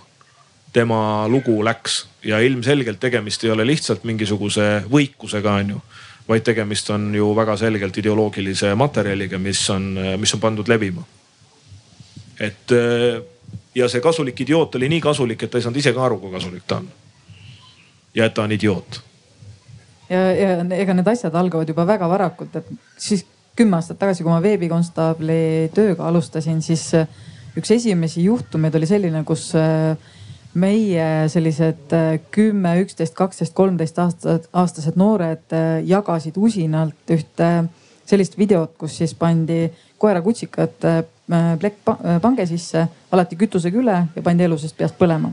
ja siis sa mõtled, et kõige usinam levitaja on see kümme kuni kolmteist aastane noor aga nad ei levitanudki ju sellele eesmärgile, et, et oi noh, et väga tore, loomi pandi põlema. vaid nad levitasid sellesama sõnumiga, vaata kui rõve, vaata järele, kui rõve nad äh, tapavad need koerad ära. ja, ja see video sai juba Eestis ise sai väga palju jagamisi, ta ei, õnneks ei olnud Eesti süütegu, oli tegemist hoopis Hispaanias toimunud asjaga. aga kui sa vaatad seda vaatamiste arvu, kui paljude inimesteni selline asi jõudis, äh, see on lihtsalt kohutav ja, ja samamoodi, et nendel seda sellist radikaalset ideed niimoodi kavalalt levitada just selles võtmes, et inimesed hakkavad levitama teda hoopis sellepärast, et vaata, kui rõve on päris kurb, et see on ka üks põhjus ka need, ega need peade mahalöömised, mis need internetis on, et need üritatakse ikka võimalikult kiiresti maha võtta just sellepärast, et mitte see, et kes seda ideoloogiat levitab, et tema saaks seda edasi levitada, vaid just see, et ka see tavainimene ei saaks jagada seda infot edasi lihtsalt sellepärast, et ta arvab, et see on äge. Maria, kas akadeemiliselt on mingi parem, äh, kombelisem äh, termin kui see kasulikud idioodid? trollimine, midagi taolist? no see ei ole otseselt trollimine selles mõttes, et äh, noh, trollimine on hoopis nagu teistsuguse alatooniga, hoopis teistsuguse eesmärgiga nähtus, aga ma tervikuna arvan, et äh, tegelikult sellised kõnekeelsed väljendid on äh, kõnekeeles kasutamiseks hoopis paremad kui akadeemilised väljendid, sellepärast et need on palju arusaadavamad ja jäävad paremini meelde ka. et kasulikud idioodid on, äh, on teatud määral isegi te süübinud sisse teaduskirjandusse ja, ja ma arvan, et see on piisavalt selline meeldejääv, kõlav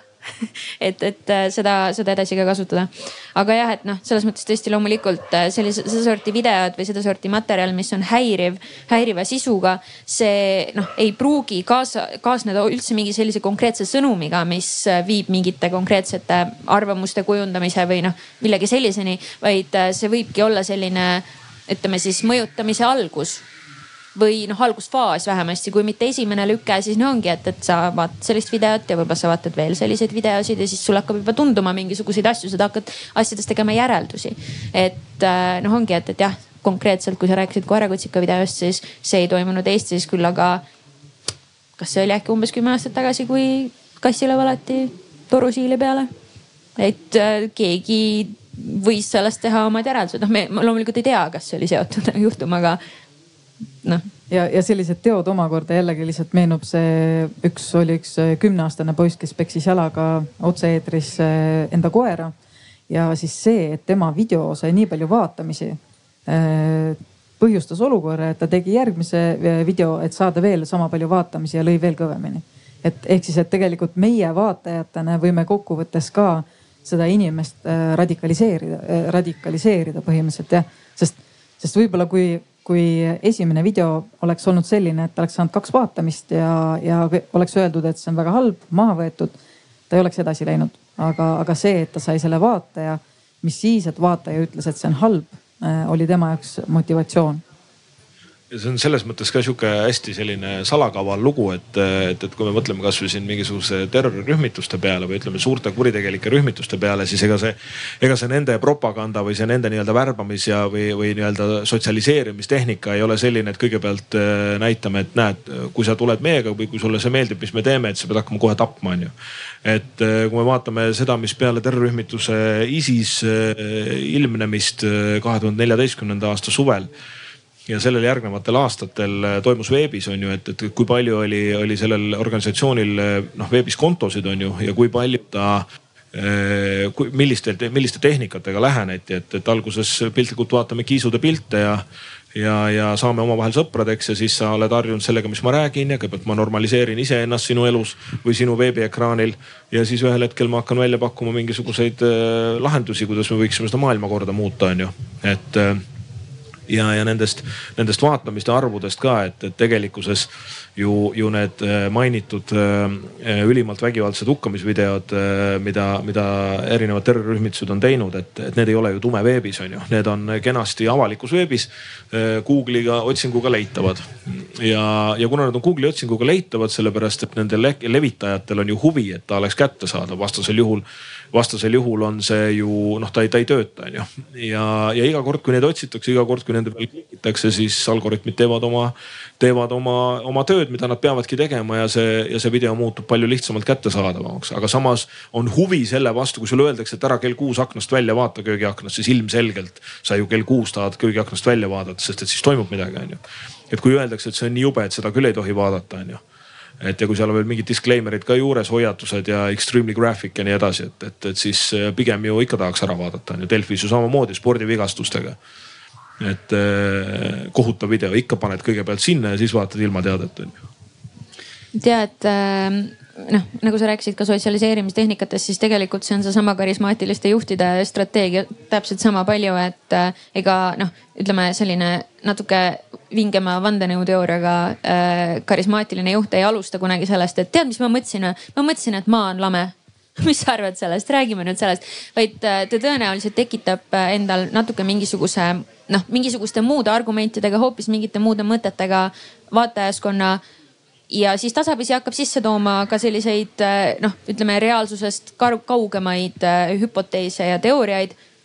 ja kui ta on juba suutnud, ütleme siis noh, arusaadavaks või, või loogiliseks muuta ühe, siis äh, ka noh, ka teaduslikud uuringud näitavad, et tal on märksa lihtsam hakata seda viima üha kaugemale et iga tema kõnega siis läheb maa järjest natukene lapikumaks, et kogu aeg, et kuni ta lõpuks jõuab sinnani, et maa ongi lapp. jah, nagu tennispalli suruks niimoodi, just. võib-olla tõesti, aga aeg on nüüd nii kaugel, et on vaja teha lõpuring ja mõtlesin, et me ju räägime nendest sündmustest, mis toimusid aastal üheksakümmend üks, sellest, et rahvas kõike tegi, rahvas kaitses, rahvas lõi, rahvas arendas. ja nüüd me oleme niisuguses ajas, kus väga paljule, paljudele sellest rahvast tundub, et selles meie elus on nii palju niisugust lihtsameelsust, äärmuslikku, labast poliitika on mõttetu ja mis, mis kõik iganes. ehk on saabunud mingisugune nagu vaikuse aeg, ma lihtsalt ei taha see, see, see kõik, mis mu ümber on, kõikides nendes äh, platvormides, mis tahes äh, kõlakodades või, või, või kõlakambrites.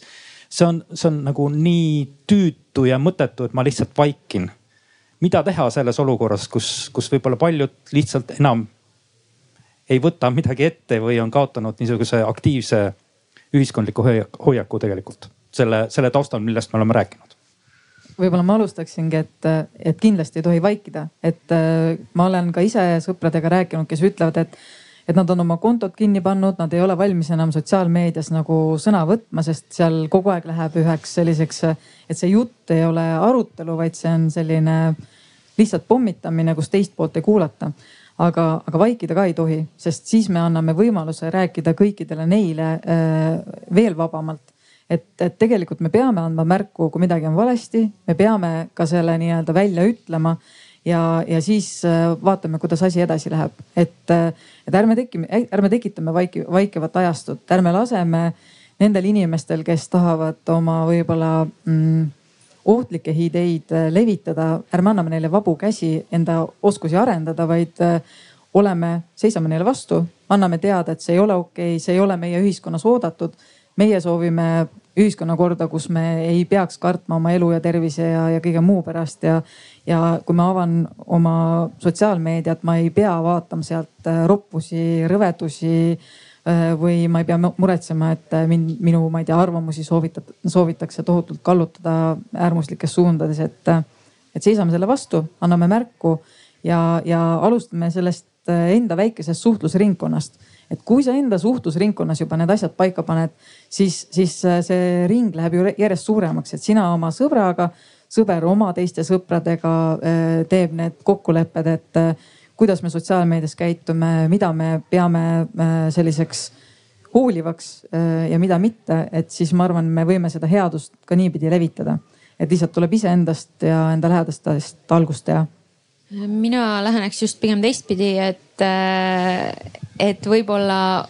ei, ei tule üldse mitte kahjuks, kui alustada inimestest, kes ei ole sinu lähedased, sellepärast et äh, noh, ka sinu lähedased on väga suure tõenäosusega osa sinu kõlakambrist ja neid äh, milleski veenda, noh olgu, ma noh, küllap meil kõigil on mingi vanaisa või vanaema, kellel on mingisugused vaated, mida me võib-olla ei jaga täiel määral, aga, aga noh, laias laastus, kui me räägime noh sõpradest, tuttavatest, siis noh, neid oma et nad on sul valitud enda vaadetele sobivalt, noh, see on, on suurem tõenäosus kui see, eks ju, et, et sa näid neid väljaspool. aga ma absoluutselt mõistan seda sellist nagu frustratsiooni ja tülpimust, mis lõpuks tekib, kui sa noh, võib-olla oled üritanud kunagi sekkuda ja see sekkumine ei ole noh, kas õnnestunud või see on lihtsalt äärmiselt frustreerivaks kulgenud, sest sa saad noh näiteks mitmekümne kaupa sõnumeid äh, inimestelt, kes soovivad sulle äärmiselt halbu asju, sellepärast et sa ütlesid, et nad eksivad, noh eksisid milleski. et äh, ma arvan, et äh, hea lahendus oleks ka iseenda jaoks ka see, et, et sa nagu varustad ennast selle infoga, et kuidas ma peaks, mis peaks olema minu argumentatsioon kuidas ma võiksin sekkuda, milliseid, millistele allikatele ma võiksin viidata või, või noh, et millised võiksid olla need äh, laused, millega ma nii-öelda diskussiooni üldsegi sisenen. et äh,, et jah, noh, ütleme nii, et, et mingil hetkel minimaalselt, kui sa küsid piisavalt kaua küsimust, et okei okay,, et aga kas sa saaksid mulle viidata mõne allika et mille põhjal sa seda arvad, siis noh, kui inimene sulle kümnendat korda vastab, et, et vaata ise Google'ist, siis noh, ta teeb iseennast lolliks, et noh, siis see on juba väike rahuldus võib-olla, eks ju, et, et mõni inimene ehk vaatab veel seda diskussiooni, mõtleb, et aa, okei okay,, no, no järelikult see esimene tundub ka suht jabur, kui ta ei suuda mitte ühtegi allikat, eks ju anda. et, et jah, ma arvan, et äh, sedasorti strateegiate tekitamine iseenda jaoks on, äh, on just sellise tülpimuse ja frustratsiooni vastu hea esimene samm ma olen ka selles mõttes sellel seisukohal, et ära kindlasti ei tohi minna, et, et kui sa nagu ära lähed, et see on umbes sama hea, et sa saad äh,, lähed tööle, teed mailbox'i lahti ja saad sealt emaili, mis on äh,, mida vaadates saatjat ja, ja selle meili pealkirja nii ebameeldiv, et seda lugeda ei taha, siis kustutad selle ära, siis sa pole seda meili saanud, on ju aga seal võib-olla on mõni tööülesanne sul on ju mida iganes, et, et selles mõttes sa, kui sa ära lähed, ega siis probleem ära ei kao. ega siis äh, noh, probleem ju seal on ikka olemas ja see probleem on seotud sellega, et äh, võib-olla see probleem ühel hetkel või selle probleemi olemus tuleb sulle ukse taha, on ju. ja, ja sa ei saa enam rahumeelselt ja rahulikult elada, elada selles elukeskkonnas, kus sa elad. et see, et sa ukse kinni paned, tõmbad omal klapid pähe ja, ja seda kõike eitad, on ju, sest see kõik on nii häiriv. noh, siis sellest tuleb nagu üle olla, on ju. et, et, et meil ongi väga sihuke meeleolukas ajastu praegu kas headus võidab kurja? headus võidab kurja siis, kui headus on hästi invasiivne ja ta on agressiivsem, kui ta praegu on sest kuri on oma olemuselt hästi agressiivne, aga headus ei ole ja kui, kui kuri on oluliselt agressiivsem või seal tema puhtalt nagu modus operandis hea ja kurja modus operandid on niivõrd erinevad, et kuri on agressiivne, invasiivne ja headus on ainult headus, siis ta võib-olla täna enam ei tööta. et sest kurjus levib nii agressiivselt,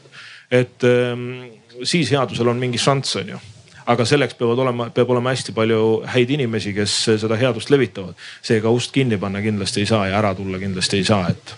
siia siis paneme punkti. Maria tahab veel öelda midagi. jah äh, ja ei, mulle lihtsalt äh, sinu äh, jutt tõi, tõi ka selle mõtte, et tõesti, et äh, kuni me saame väita seda, et on vaikiv enamus äh,, siis äh, vaikivat enamust saavad iseenda omaks kuulutada mõlemad osapooled. aga niipea kui vaikiv enamus muutub mitte nii vaikivaks enamuseks, siis on vähemasti selge, kus me nagu tegelikult omadega nii-öelda seisame. hüva, olgem siis ärksad, aitüma.